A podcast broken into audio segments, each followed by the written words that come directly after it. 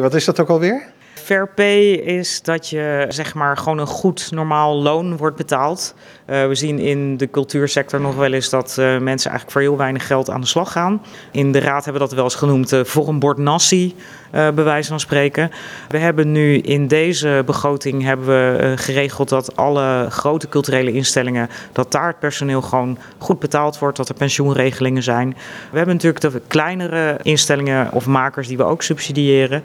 daar geldt dat nog niet voor. Die kunnen dat misschien ook helemaal niet betalen. Nou ja, dat is lastig, maar dan is de verwachting dat de subsidie toe zal nemen. Nou, u kent de discussies uh, over uh, uh, subsidies en ja, daar is in ieder geval een hele grote vraag naar. Wat we hebben gedaan is in beeld gebracht van ja, wat komt daar dan allemaal bij kijken? Want het is natuurlijk iets vanuit, wat vanuit het Rijk ook aangezwengeld is en daar ben ik eigenlijk heel erg blij mee. Hè, want de culturele makers verdienen ook gewoon een eerlijk loon. Um, ja, alleen kunnen we dat niet in één keer betalen. Dus we kijken naar een gefaseerde aanpak daarin. En ik heb nu aan de commissie heb ik beloofd om daar een brief over te sturen hoe we dat doen. Uh, we zitten ook in een werkgroep landelijk met andere gemeenten en het ministerie om te kijken hoe je er vorm aan kan geven. Maar ja, puntje bij paaltje, er moet dan gewoon meer geld komen. Of je moet besluiten om minder makers te ondersteunen. En gewoon zeggen, nee, we ondersteunen minder, maar die betalen we meer. En die keuze, ja, die moet je maken met elkaar.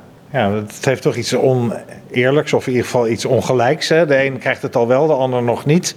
Ja, dat klopt. Maar ja, daar hebben we voor gekozen om de basisinfrastructuur, uh, waarvan we zeggen, ja, die moet je hebben. Een bibliotheek, een schouwburg, vlakkenvloertheater, om dat te doen. Hè, vorig jaar was het natuurlijk bij Eens Blauw, was kwam een hele grote vraag.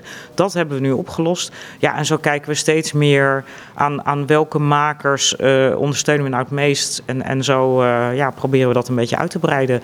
Voor, de zomer was hier bijvoorbeeld ook de mensen van Theater de Generator en de Vrijplaats. wilden ook meer geld. Hè? Die hebben ook uh, ja, een soort ja, hongerloontje, als ik het uh, zo mag, uh, mag noemen. Volgens mij zeiden ze dat ook letterlijk zo.